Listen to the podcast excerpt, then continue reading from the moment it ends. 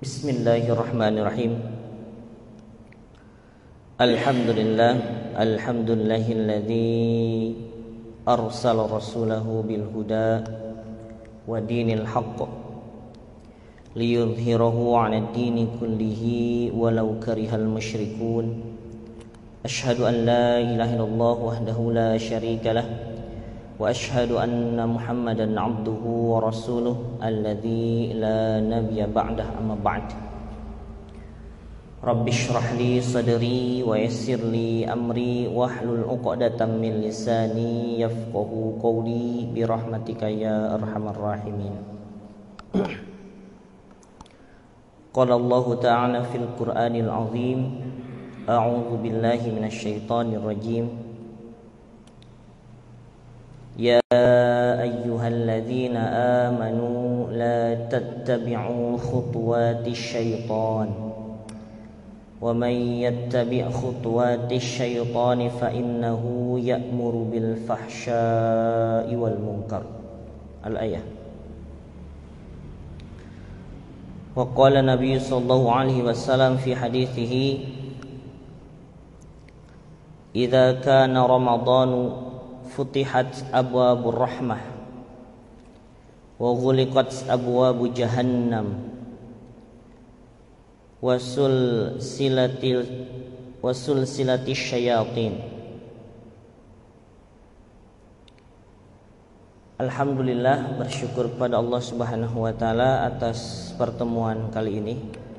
Alhamdulillah Masjid Al-Latif jadi dingin karena penghuninya belum pada datang. Tapi disyukuri bahwa kota Banjar memang kota yang panas.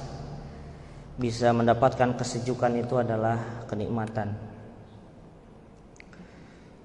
Oleh karena itu kita tetap dalam kondisi bisa bersyukur dengan sebaik-baiknya syukur. Semoga Allah Subhanahu wa taala mencatat kita sebagai hamba-hamba yang bisa bersyukur dengan segala nikmat yang diberikan Allah Subhanahu wa taala. Salawat serta salam semoga senantiasa tercurah kepada baginda Muhammad sallallahu alaihi wasallam kepada seluruh keluarga, sahabat, tabi'in, tabi'ut, tabi'in hingga kepada kita selaku umatnya yang taat pada syariat yang beliau bawa sampai hari kiamat.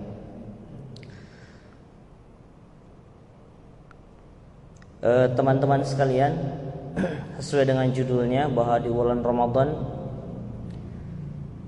mereka yang tidak mempersiapkan diri dengan segala strategi maka tentunya akan sangat bisa dikalahkan dengan mudah.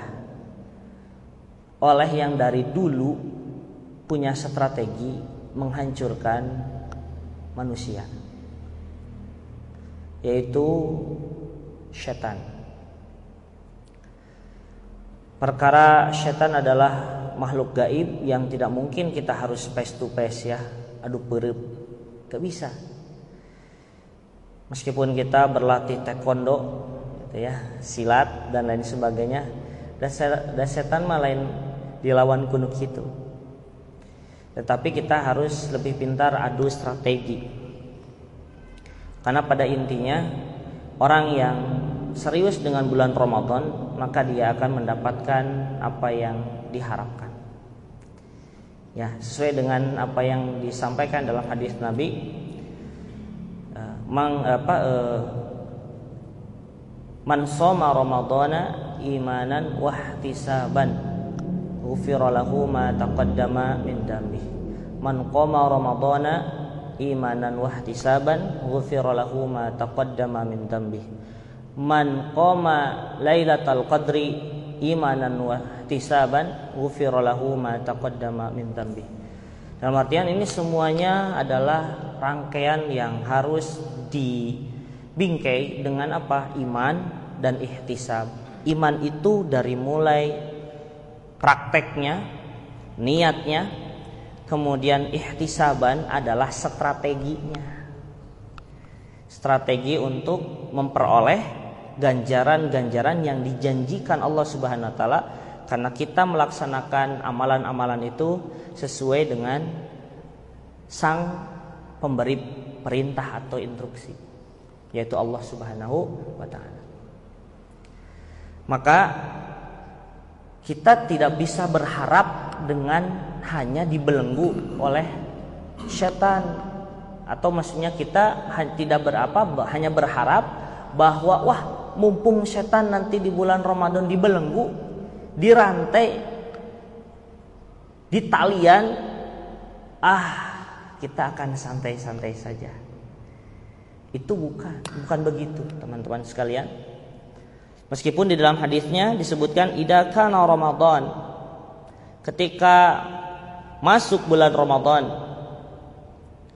maka futihat abwabur rahmah dalam redaksi yang lain futih, futihat abwabul jannah. Maksudnya dibuka abwab bukan babun tapi abwab. Pintu-pintu. Jadi tidak hanya satu tapi banyak jalan untuk mendapatkan rahmat banyak jalan untuk bisa mendapatkan surga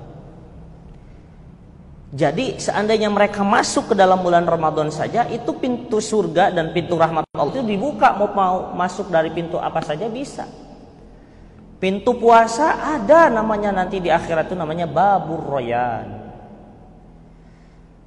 gitu ya. Kemudian kalau mau mereka mujahadah berjihad di jalan Allah Subhanahu wa taala ada babul jihad. Di, masuk surga itu. Kemudian nanti kalau kita rajin bersedekah babus sedekah. Rajin sholat, sholat tarawihnya, sholat fardunya, sholat rawatibnya, sholat duhanya, semua kita laksanakan. Bahkan sholat mutlak, sholat yang tidak ada apa ya? Misalnya kita datang ke masjid, sholat tahiyatul masjid sudah. Aduh ini teh gimana ya? Pengen sholat. Boleh nggak sholat? Boleh. Sholat. Itu namanya sholat duh ini teh mau ngerjain ujian tapi tadi sholat duha udah tapi kayaknya kurang deh. Ah mau sholat lagi lah. Itu sholat apa namanya? Sholat mutlak. Mungkin ya ada orang yang mengatakan itu sholat hajat. Ya memang setiap sholat itu hajat. Kita meminta permohonan kepada Allah kita berhajat pada Allah. Terserah saja mau mereka mengatakan ada sholat hajat, sholat apa gitu kan. Tapi para ulama mengatakan namanya sholat mutlak, sholat sholat yang tidak ada uh, apa uh, berkait sangkut pautnya dengan uh, perintah yang termaktub, ya tertulis, tapi dia ingin sholat karena berada di masjid atau berada di tempat yang suci itu namanya sholat mutlak. Boleh boleh saja. Siapa yang mengatakan apa, menyam, apa melakukan sholat mutlak itu saya pernah e, mendapatkan informasi bahwa salah satu yang melaksanakan sholat mutlak itu Imam Bukhari. Imam Bukhari itu kalau mau menulis hadis karena ia saking telitinya takut salah titik huruf alif gitu dia selalu sholat dua rakaat setelah dua rakaat diambil penanya kemudian dia tulis setelah apa itu? Setelah dia satu hadis itu dia cari dulu sampai terakhir mentok sampai mana itu. Kalau sahabat, sahabat siapa? Kalau misalnya uh, tabiin, tabiin siapa? Nyambung nggak ke Rasulullah SAW? Gitu ya. Dan tidak jarang Rasulullah apa Imam Bukhari itu bertemu dengan perawi hadis, tapi ternyata perawinya menurut pandangan beliau itu nggak layak mm, apa uh, membawa hadis gitu. Contoh misalnya matrukul hadis. Matrukul hadis itu eh, apa tertuduh dusta. Dia tertuduh dusta itu gak bisa membedakan antara dia itu tukang dongeng atau tukang tipu atau tukang eh, apa tukang jualan sehingga mudah menipu gitu ya. Membawa ini apa wadah kemudian di apa ke hewannya gitu ya. Itu saja kemudian terlihat oleh Imam Bukhari dan ia mau ketemu dengan orang yang punya sanad uh, hadis itu maka dia pulang lagi. Standarnya ketat. Setelah itu dia nggak jadi menulis hadis itu dibuang hadis itu cari jalur yang lain temu lagi sudah dipastikan bahwa jalurnya sahih dia pulang lagi ke rumah kemudian dia sholat kemudian menulis satu hadis itu dan jumlahnya uh, ratusan ribu hadis sahih Imam Al Bukhari Termasuk hadis yang dibacakan tentang bulan Ramadan itu adalah uh, dari Imam Bukhari dan Imam Muslim. Imam Bukhari melaksanakan sholat mutlak. dia sholat berhajat kepada Allah Subhanahu Wa Taala agar jangan sampai salah menulis menulis hadis. Maka orang yang rajin sholat di bulan Ramadan dia bisa masuk melalui pintu namanya babus sholat. Tapi kita mau masuk pada pintu yang mana silahkan karena memang futihat abwabur rahmah atau futihat abwabu jan abwabul jannah tidak hanya itu saja kemudian disebutkan wa guliqat abwabu jahannam ditutup pintu-pintu neraka jahanam dalam dalam redaksi yang lain futihat abwabun nar sama nar jahanam sama. Kalau jahanam langsung nama nama nerakanya. Nah, naru jahanam. Neraka yang paling bawah, teman-teman sekalian. Namanya neraka jah jahanam. Tempatnya siapa? Tempatnya Jami'ul munafiqina wal kafirina fi jahannam khalidina fiha. Jadi tempatnya orang-orang munafik dan orang-orang kafir yang betul-betul menyusahkan umat Islam. Nah, itu tempatnya di situ. Sekelas dengan Firaun gitu ya, Namrud gitu. Ditutup teman-teman sekalian. Jadi kita itu gak mungkin berpeluang masuk ke situ itu gak mungkin. Dan dengan hadisnya hadirnya bulan Ramadan ini. Jadi bukan hanya di apa di ditutup pintu keburukannya tetapi pintu nerakanya ditutup. Maka yang terakhir adalah wasul silati syayatin. Bukan syaiton tapi syayatin. Setan-setan. Dan dirantai ya. atau di talian atau di belenggu itu tangan setan. Dalam redaksi yang lain wasufidat syayatin wasufidatis syayatin dan dibelenggu ditali gitu ya, diikat syaitan-syaitan.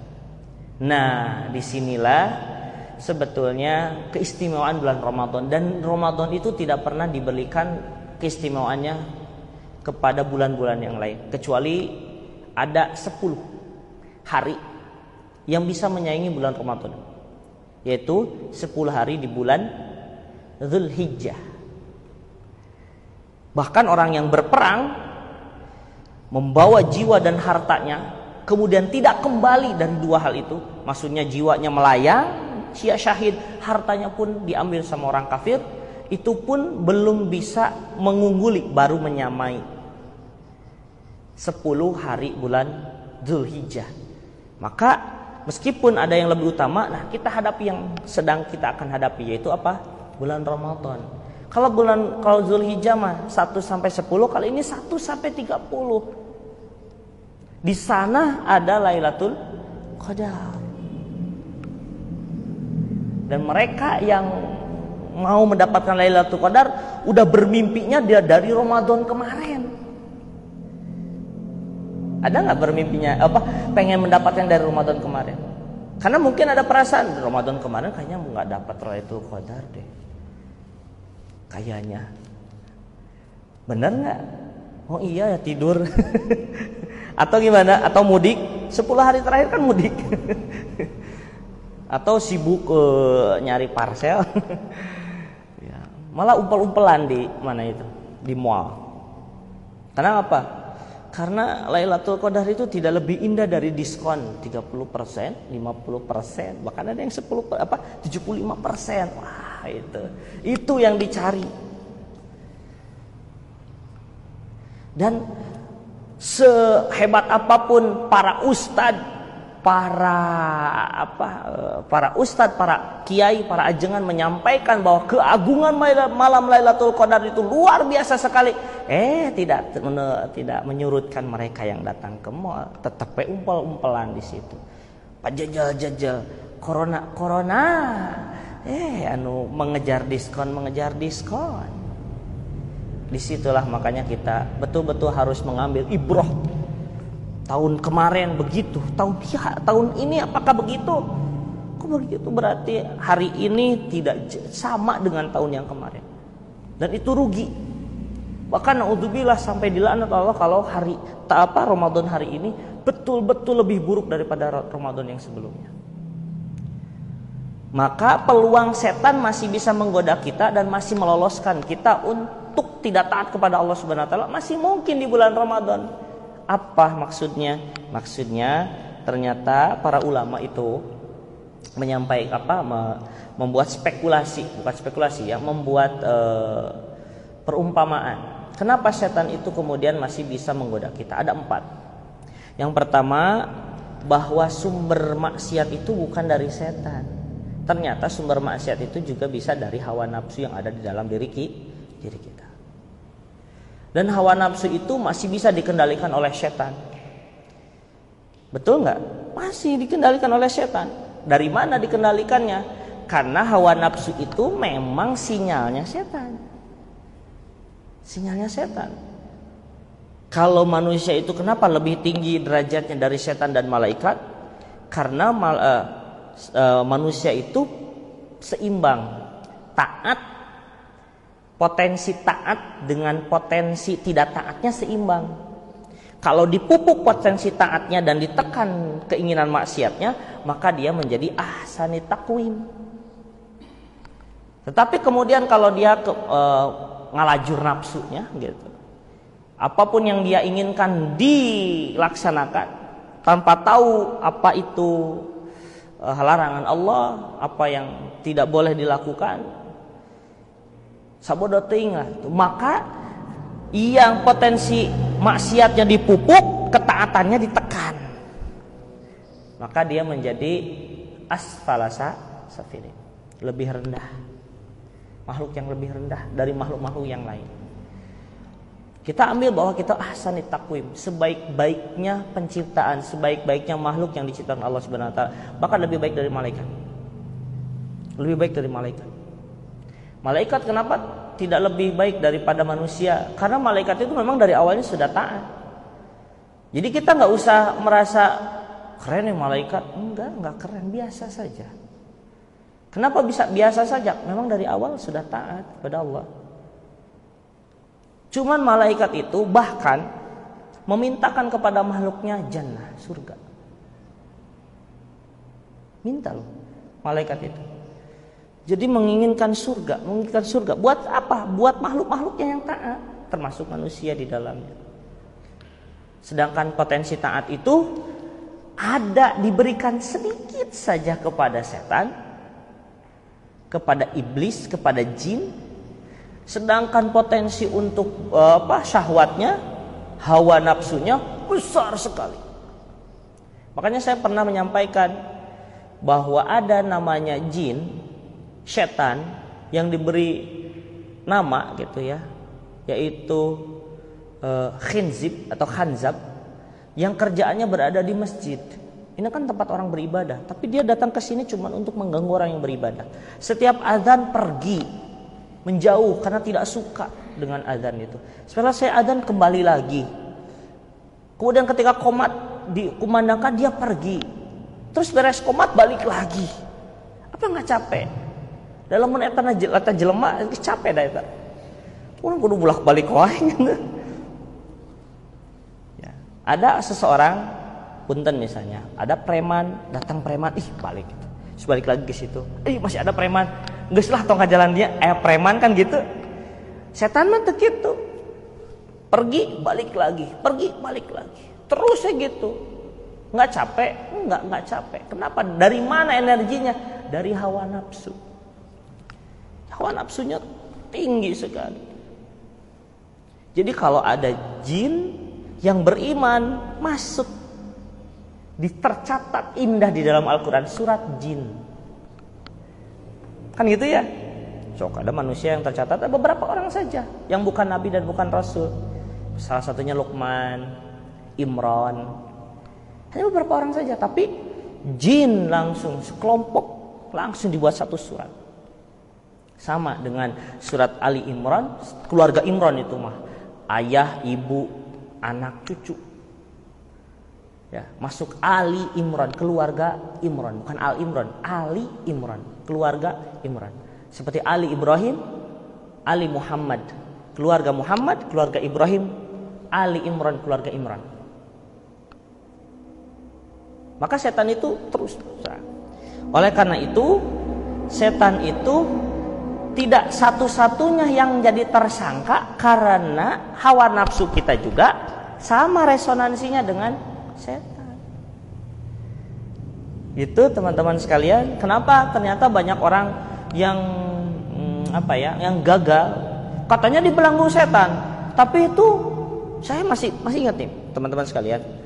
Waktu tahun berapa gitu ya, saya nganter istri eh, gitu ya, mau pulang mau ke rumah, waktu itu masih di Mertua Indah gitu ya, di rumah mertua. Mas. Itu di pinggir masjid itu nah nanying ngalikeun aing gitu eh, eh, eh.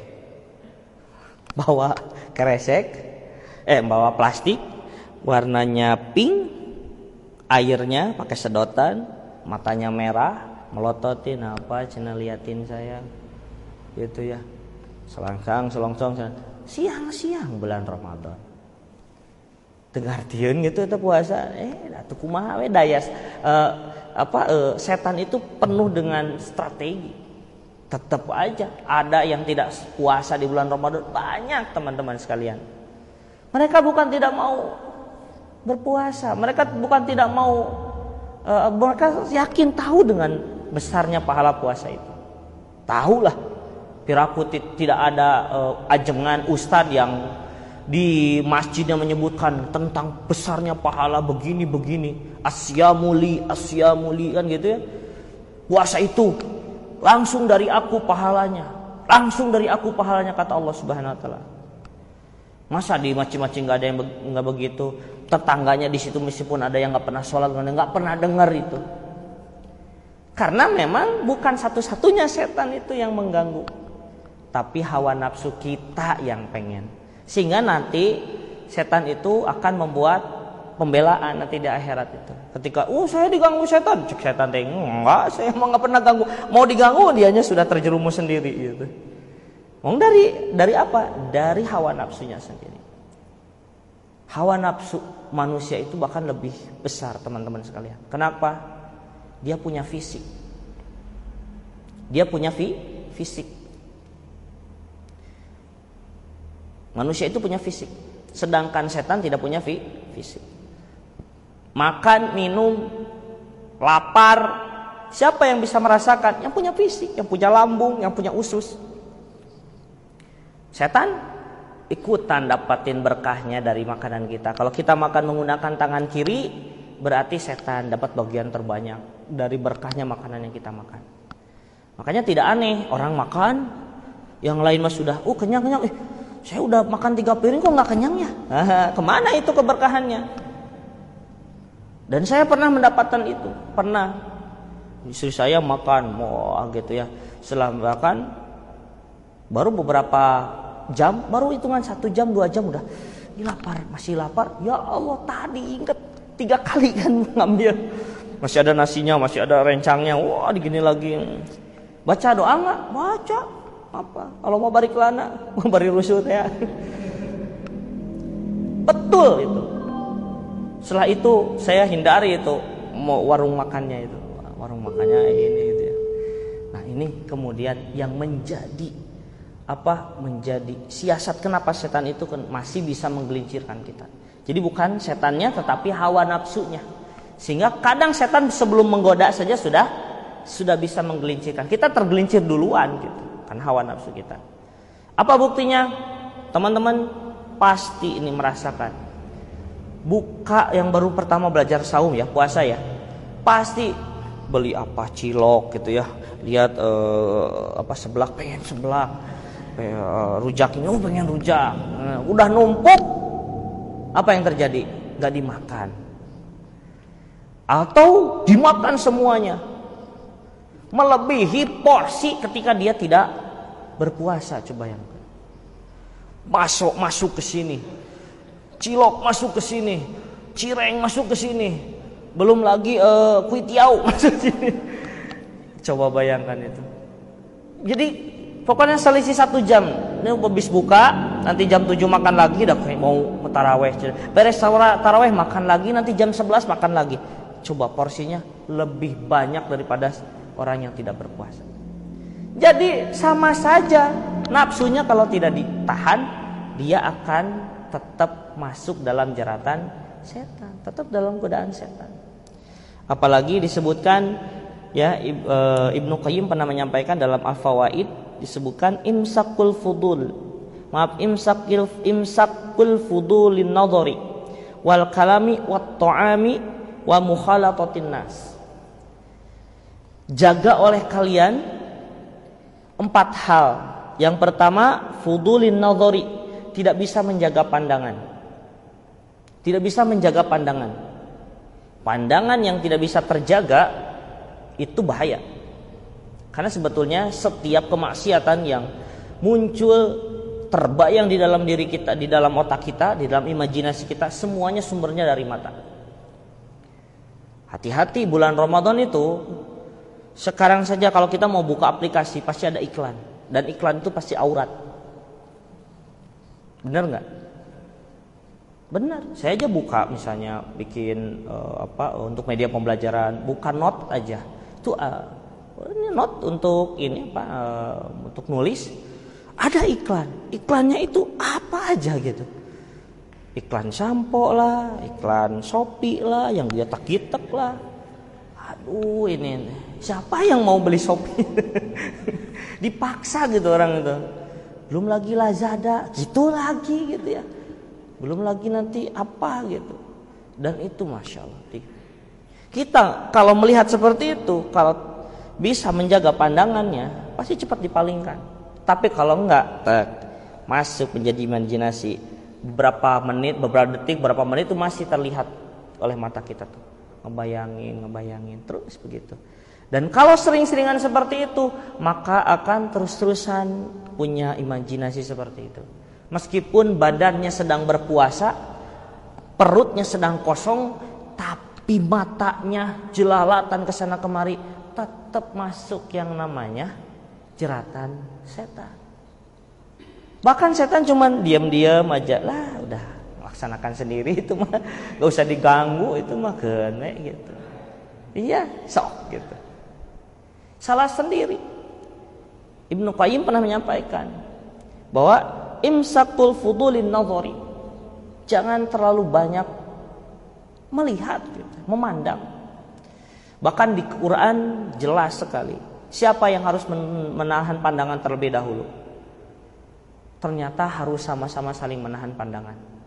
Wa kullil mu'minina yaghuddu min absarihim wa yahfadhu furujahum.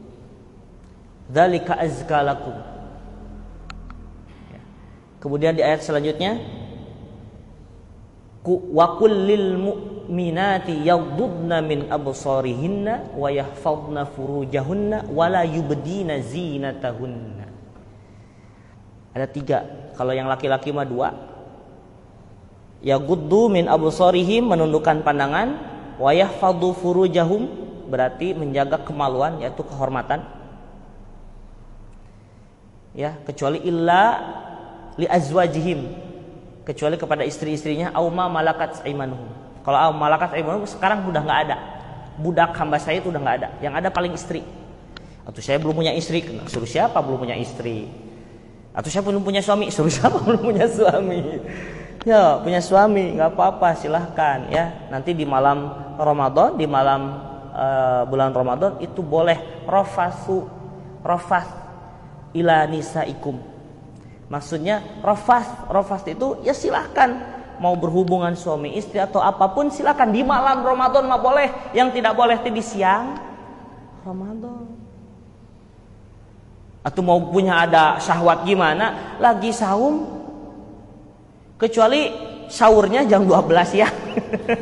itu mah sahur jam 12 siang lalu ada tenaga itu. Ini sahurnya sebelum subuh.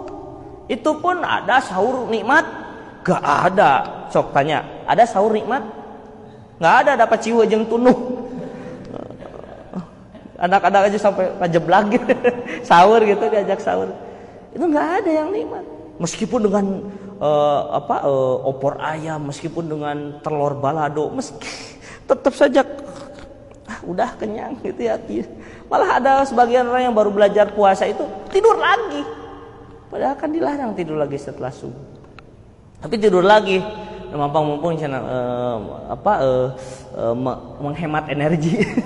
Padahal kalau tidur lagi tuh lemes teman-teman sekalian. Lemes. Kenapa?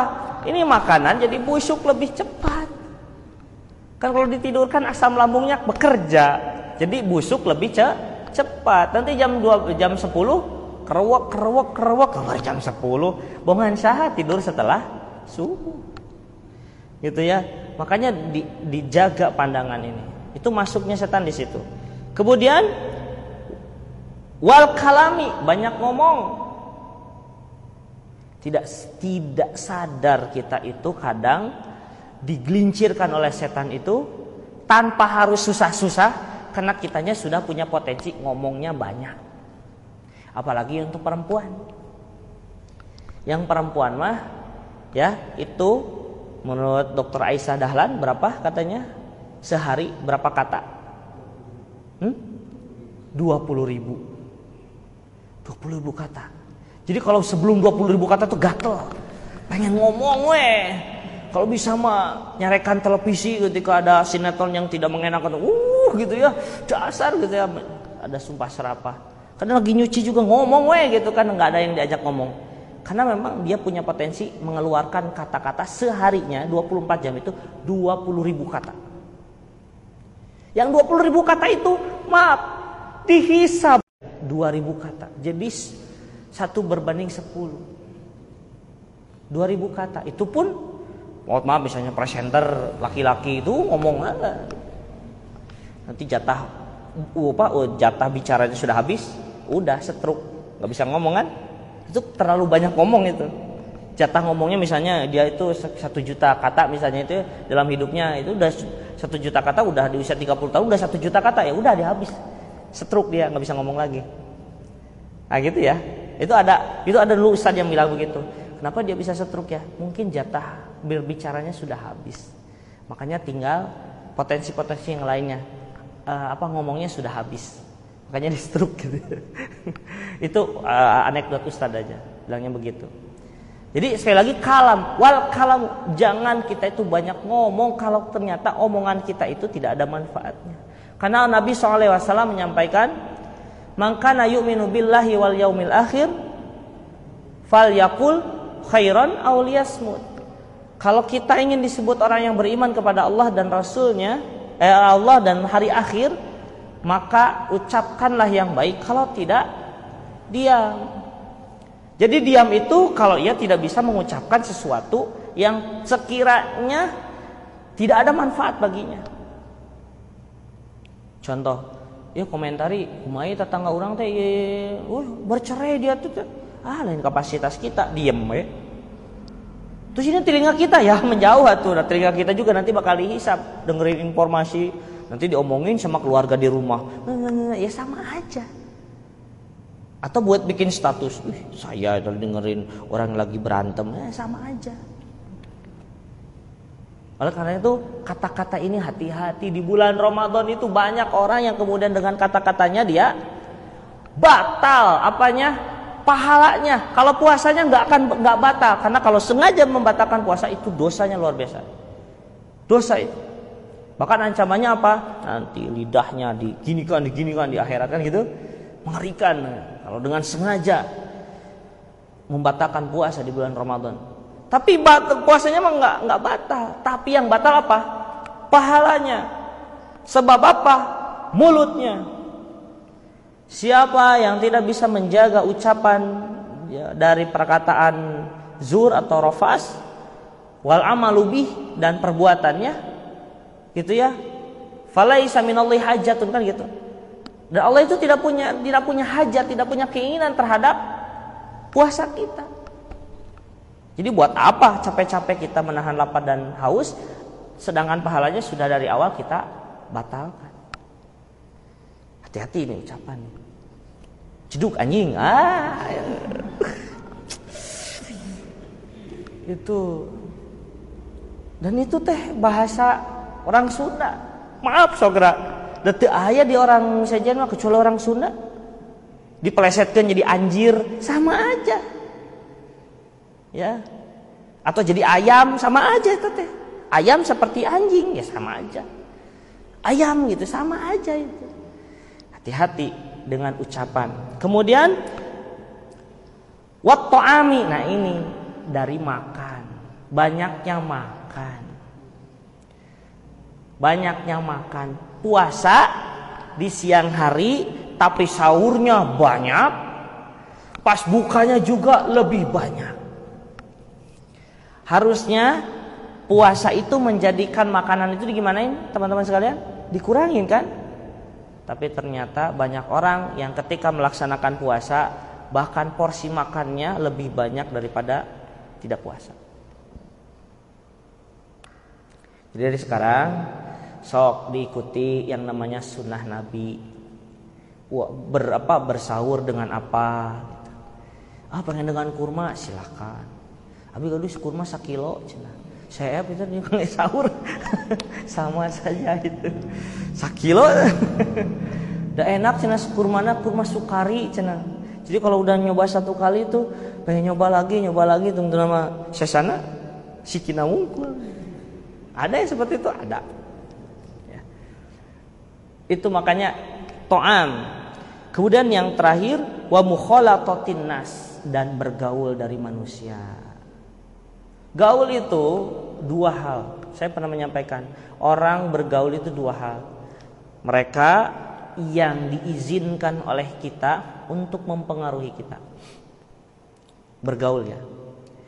Dan orang ketika kita bergaul mereka tidak diizinkan oleh kita untuk mempengaruhi kita. Bahkan kita yang mempengaruhi mereka. Itu menurut ilmu psikologi itu jadi kalau bergaul itu harus simbiosis mutualisme. Apa cina simbiosis mutualisme teh? Saling memberi man manfaat. Gitu ya. Seperti apa itu? Itu di IPA itu apa? Simbiosis mutualisme cacing dengan dengan tanaman ah, dengan tanaman Cac adanya cacing itu menyuburkan tanaman kan? Dan tanaman sumber kehidupan cacing. Udah selesai. Dan berteman itu harus begitu. Kalau kita berteman tapi kita tombok terus. Pinjaman duit ya guys. Ayah kan? Ayah ayah ayah e, boga sobat dulur. Yang datang hari sekali sakalina datang. Ngomong tara sakalina ngomong pinjam duit gitu. bukan tidak boleh meminjam uang boleh boleh saja meminjam uang tetapi ya harus paham dengan namanya bergaul dan berteman kalau kita bergaul dan berteman itu harus memberikan manfaat kepada orang lain. Karena kita itu kalau bergaul itu dianggap saling menguatkan agama. Makanya kenapa kita tidak boleh bergaul menjadikan aulia teman sejati, aulia sebagai sahabat karib, al-kafirin. Orang-orang kafir. Karena mau, mau mau tidak mau kalau kita membuka seluas-luasnya hati kita untuk mereka, maka mereka akan menancapkan milah-milahnya kepada kita. Sok. Dulu saya pernah mencoba begitu. Ini mah nyoba aja tes. Saya bergaul dengan punten dengan orang Nasrani ya dari Kristen Jawa waktu itu. Tidak ada satu kali mengajak, ayo dek kita main. Ke mana? Kebetulan mau ada misa tapi pakai gamelan Jawa. Kamu kan suka ini ini ini, ini ya? Apa analisis tentang budaya begini? Yuk sekali-kali datang ke gereja saya. Nanti ada snack ada makanan gitu. Halus sekali nggak tahu ya waktu itu saya diselamatkan. Padahal saya pengen datang. Lumayan. Semako halus sekali mereka itu karena waktu itu mungkin saya tidak membuka lebar apa hati saya untuk mempengaruhi saya. Dan alhamdulillah dipertemukan dengan teman-teman yang soleh, temukan teman-teman yang masih kuat ininya akidahnya. Hanya diingatkan, jangan terlalu banyak bermain lah dengan itu, bergaul lah. Kita juga, ayo punya kajian, punya ini, punya itu, gitu ya. Ada aktivitas ke sana, aktivitas dakwah ke sini, ayolah kita. apa timnya di, di apa diperkuat gitu. tolonglah nanti bantu kami itu kan ada acara di sini nah, akhirnya eh, dekat dengan ya baik-baik ini dan alhamdulillah selamat kalau enggak ya saya nggak ada di sini. Gitu ya saya sudah menjadi aktivis seperti mereka gitu ya. Yang kemudian seluruh agama sama seluruh agama sama gitu ya. Ayo boleh ya kalau nggak sempat ke masjid silakan pergi ke tempat ibadah yang lain gitu ya. Sama aja Tuhan yang dicipta apa yang disembah sama ke sana gitu ya. Yang ini mau begini ini mau begini gitu ya yang begini. Silahkan boleh saja. Mungkin saya sudah jadi aktivis yang seperti itu. Karena apa? Bergaul teman-teman Mirza Gulam Ahmad pendiri Ahmadiyah itu dulunya soleh dulunya soleh seperti ini tapi karena apa? Karena dia soleh, pinter, dakwahnya bagus, jamaahnya banyak. Kebetulan namanya Ahmad. Ada yang namanya Ahmad di sini? Ahmad. Kemudian ada yang membisikin. Mad, kayaknya kamu deh nabi yang terakhir itu. Ismuhu Ahmad loh, bukan Muhammad. Kayaknya kamu deh. Oh, bukan. Nanti beberapa lama lagi bener deh, kamu kan pinter, dakwahnya bagus. Ahmad namanya juga, kan ismuhu Ahmad di dalam Al-Quran juga. Kamu deh kayaknya Ahmad itu. Iya gitu. Mulai dipengaruhi. Sampai kemudian terus teman-temannya menyatakan, kamu dong Nabi itu. Kamu dong kayaknya Nabi. Nabi, Nabi, Nabi, Nabi. Akhirnya, yalah sayalah Nabi. Kan gitu. Fir'aun pun begitu. Mimpi.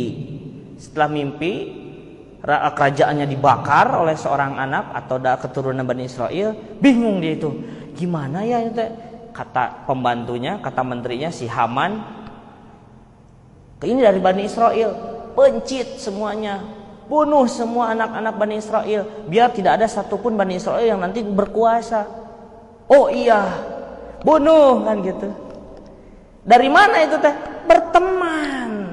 Sudah menjadikan aulia. Makanya hati-hati di bulan Ramadan ini kalian harus punya teman. Tapi temannya adalah teman yang mengajak pada kebaikan. Bersyukur di sini tapi harus istiqomah. Datang setiap hari, aktivitas kegiatannya diikuti. Itu adalah simbol saring memberi manfaat dari pertemanan itu. Dan saya pernah menyampaikan dalam beberapa uh, apa uh, tausiah bahwa nanti ada syafaat apa? Teman. Nanti di akhirat itu beberapa syafaat banyak, tapi ada satu syafaat itu teman.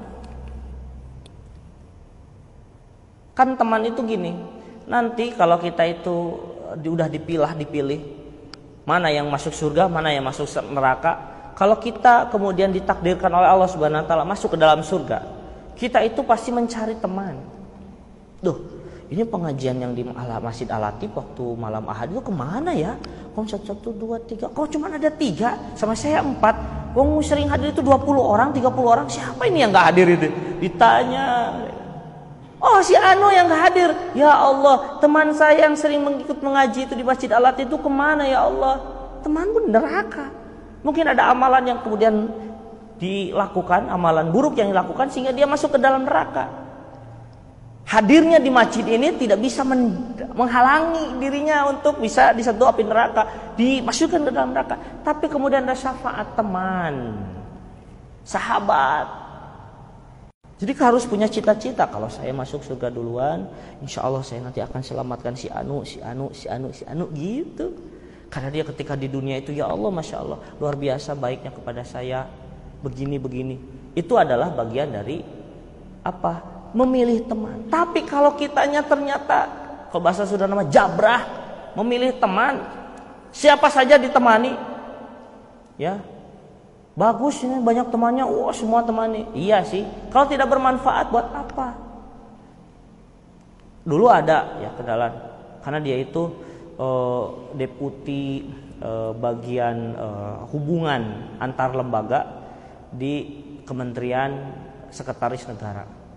Ya, ada oh, seseorang gitu ya. Dia bertemu dengan siapa saja di seluruh seluruh Indonesia dia punya dia punya channel. Di Semarang, di Bandung, di Jakarta, di Manado, di Makassar, di mana aja di Papua pun dia punya teman. Buat apa dia punya teman? Ya buat kerja, relasi antar lembaga. Jadi ketika nanti pemerintah mau datang ke sini, sudah siap dan sudah dikontak sama beliau. Begini, begini, begini, begini. Gitu. Tapi kalau kita kita mah jabatan juga nggak punya, ayo teman banyak, unggal teman nu ieu nginjem duit. Nu ieu tukang mentaan uh, dareun nu ieu tukang milu ngendong. Nu ieu tukang ieu tukang ah gitu. Tapi bukan bukan kita nggak mau membantu. Boleh membantu tetapi apa gunanya manfaat itu? Apa manfaatnya kita punya teman itu? Ketika pas pengajian hari Ahad di Masjid Al itu teman kita itu ikut apa enggak? Kalau nggak ikut pak duh atuh. Ikut Nanti pas kajian Ramadan, pas di bulan Ramadan itu aktif nggak dengan aktivitas teman-teman? Kalau nggak ikut, nah itu teman apaan itu? Tapi kalau hanya sekedar kenal, silakan silakan saja. Jangan sampai kita tuh baud. Anu kenal seri, tapi untuk baud. Tidak, tetap bermuka baik, bersenyum, kemudian uh, menampakkan keramah tamahan itu bagian dari sedekah meskipun mohon maaf kepada orang yang tidak beriman. Apalagi melakukan bom. Islam itu nggak ada teror seperti itu tidak ada.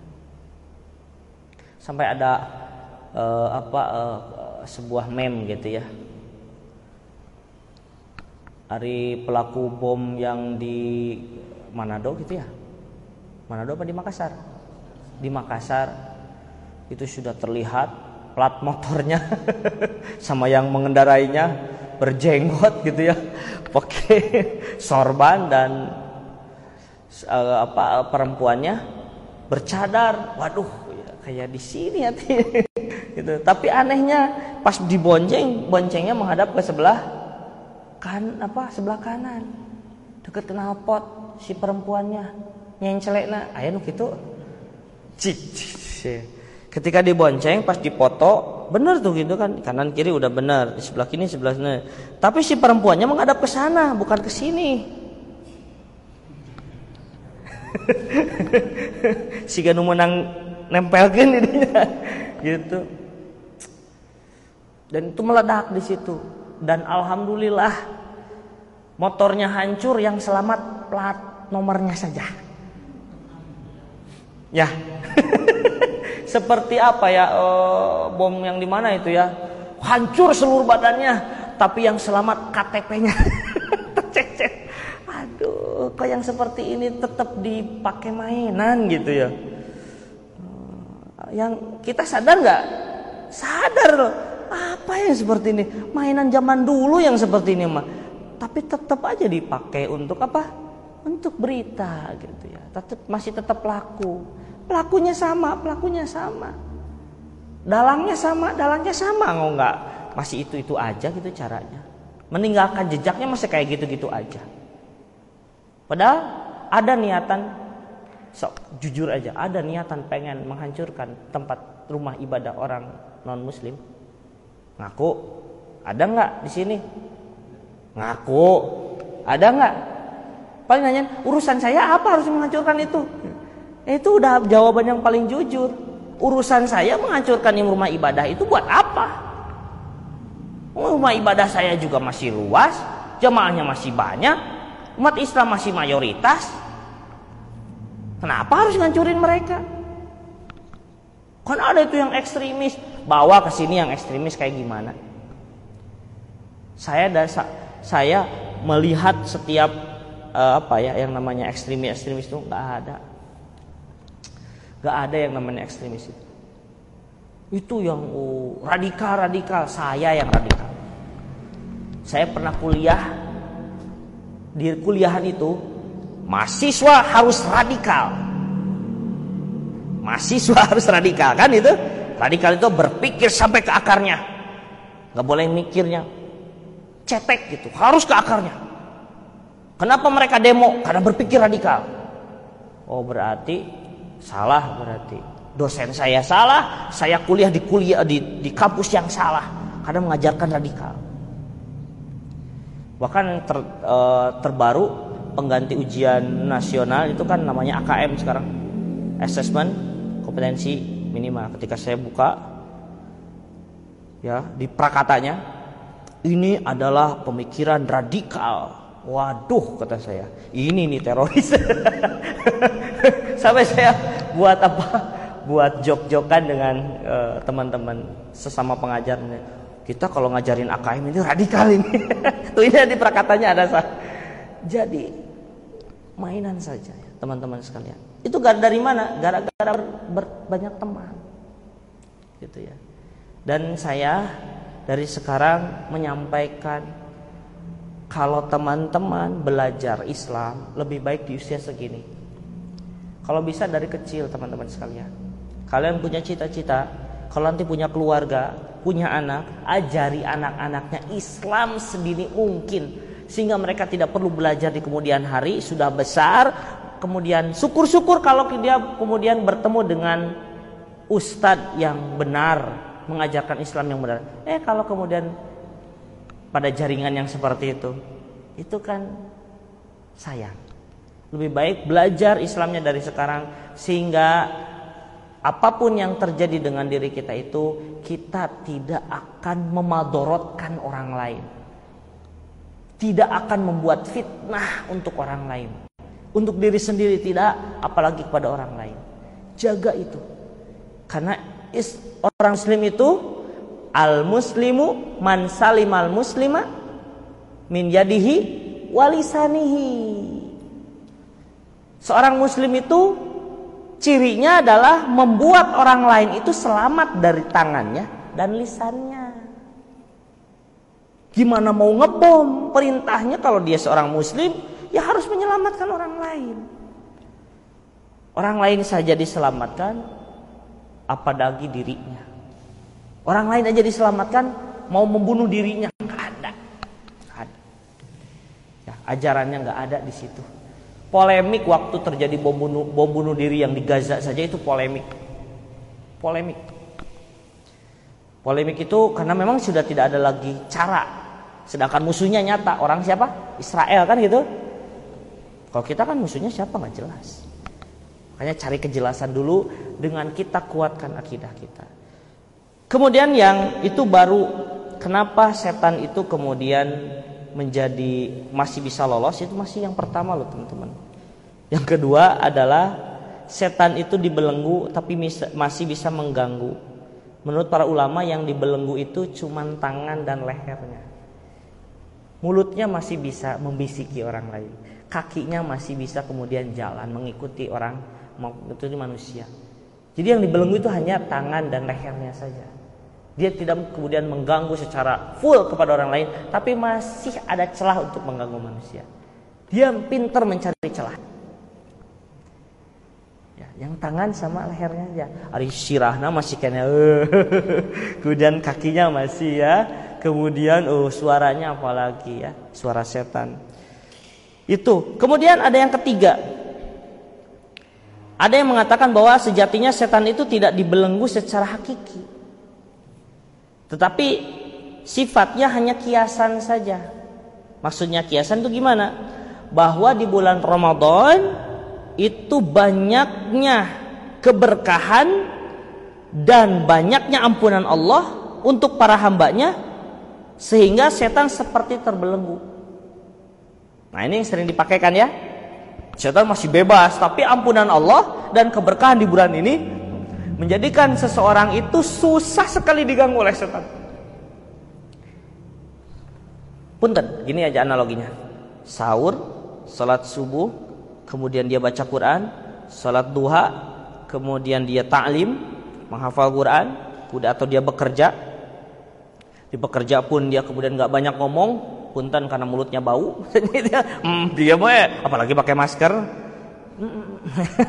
nggak banyak ngomong terus apalagi kemudian sore sorenya udah aktivitas persiapan apalagi kemudian mengumpulkan anak-anak. Yuk nah ke masjid siap. Siapin buka puasa kemudian berbuka. Setelah berbuka istirahat sebentar boleh ngopi-ngopi kemudian berangkat untuk salat tarawih. Kira-kira mana kemudian? Terus bioskop pasti tutup, pasar malam pasti tutup, toko-toko, warung-warung, restoran di siang hari tutup. Karena peraturannya sudah ada perdanya ditutup gitu kan. Itu karena saking udah nggak ada celah gitu kan. Nah kita kalau mau maksiat itu memang benar-benar tujuannya pengen maksiat itu mah. Kok masih kuat puasanya? Iya dong barusan buka godin sama mie ayam misalnya gitu ya yang kelihatan kakinya aja gitu ya ke atasnya nggak ada nah, itu udah biasa itu pantesan itu orang Banjar itu ternyata kuat-kuat ternyata sahurnya dua kali. Dan berbukanya juga dua kali. Aduh ya. Dan itu seolah-olah biasa saja. Dan fenomena itu lihat kira ya pasti akan bertemu dengan yang seperti itu. Oleh karena itu sekali lagi bahwa sebetulnya bulan ini sudah disetting oleh Allah, oleh Allah Subhanahu wa taala dengan berbagai macam kebaikan. Hanya satu bulan saja. Jadi seolah-olah setan yang harusnya bebas, wah susah ini gitu ya, terbelenggu. Ter apa terhalangi jalannya gitu. Itu menurut pendapat yang ketiga dan pendapat yang keempat kenapa setan itu terbelenggu tapi masih mengganggu kita ternyata yang dibelenggu itu adalah tidak semua setan tapi yang dibelenggu itu adalah setan kelas kakap yaitu disebut maradatul jin. Ya jadi gegedugna jin. Nah, gegedugna jin itu yang ditahan iblis gitu ya cari cing di, di rarante cari cing gitu kan. Enak buah nama berkeliaran gitu. Yang kerocok kerocoknya mah berkeliaran. Datang situ oh, Tuan Raja Jin gimana? Kamu sudah begini? Sudah.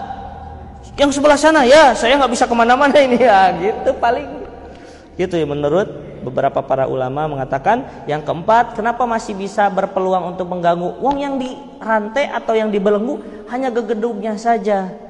Sementara setan-setan lainnya masih bisa bebas.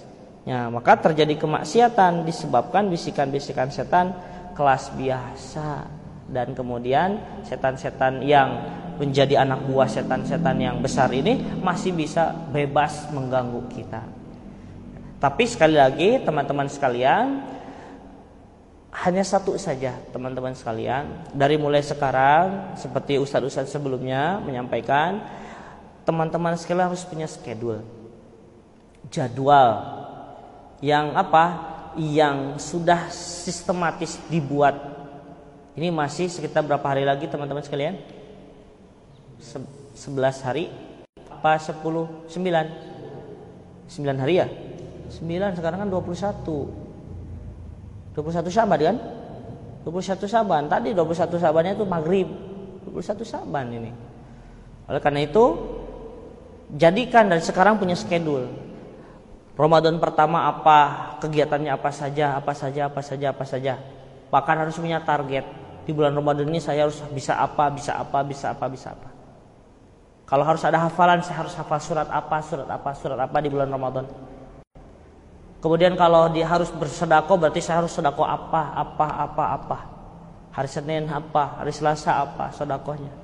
Kalau saya harus mencari ilmu, saya harus cari ilmu apa nanti di bulan Ramadan itu. Ini, ini, ini. Buat schedule.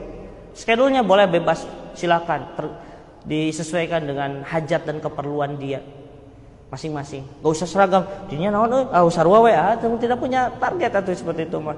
Siga ngerjakeun tugas. Kita punya target sendiri dan target sendiri itu harus diistiqomahkan. Fa idza azamta fatawakkal 'ala Allah. Karena sudah punya azam maka serahkan kepada Allah Subhanahu wa taala. Masuk bulan Ramadan kita sudah punya planning prima. Nah, ya. Oleh karena itu kita sudah sekat-sekat semuanya dipeta-petakan diri kitanya sudah siap ilmunya sudah diambil kemudian persiapannya tarhimnya sudah siap kitanya juga sudah tahu nih mana nih lubang-lubang setan ini ya ya kita sudah jadi kalau kita sudah punya gini bangun tidur susah sekali bangun ini setan ini bangun gitu. Pas lihat makanan mm, ngiler banget mm, setan ini gitu cepet gitu.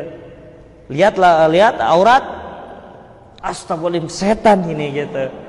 Itu udah tahu insya Allah antum semuanya bakal dijaga oleh Allah Subhanahu wa taala. Mudah-mudahan di akhir uh, tausiah ini kita disampaikan pada bulan Ramadan dengan apa uh, dengan energi yang prima tentunya dengan persiapan yang prima juga kemudian mudah-mudahan Allah Subhanahu wa taala menjadikan diri kita itu hamba-hamba yang mendapatkan keutamaan-keutamaan bulan Ramadan di Ramadan tahun yang sekarang ya. Itu saja yang bisa disampaikan. Mohon maaf atas segala kekurangan. Aku qouli hadza wa astaghfirullahi. Wassalamualaikum warahmatullahi wabarakatuh.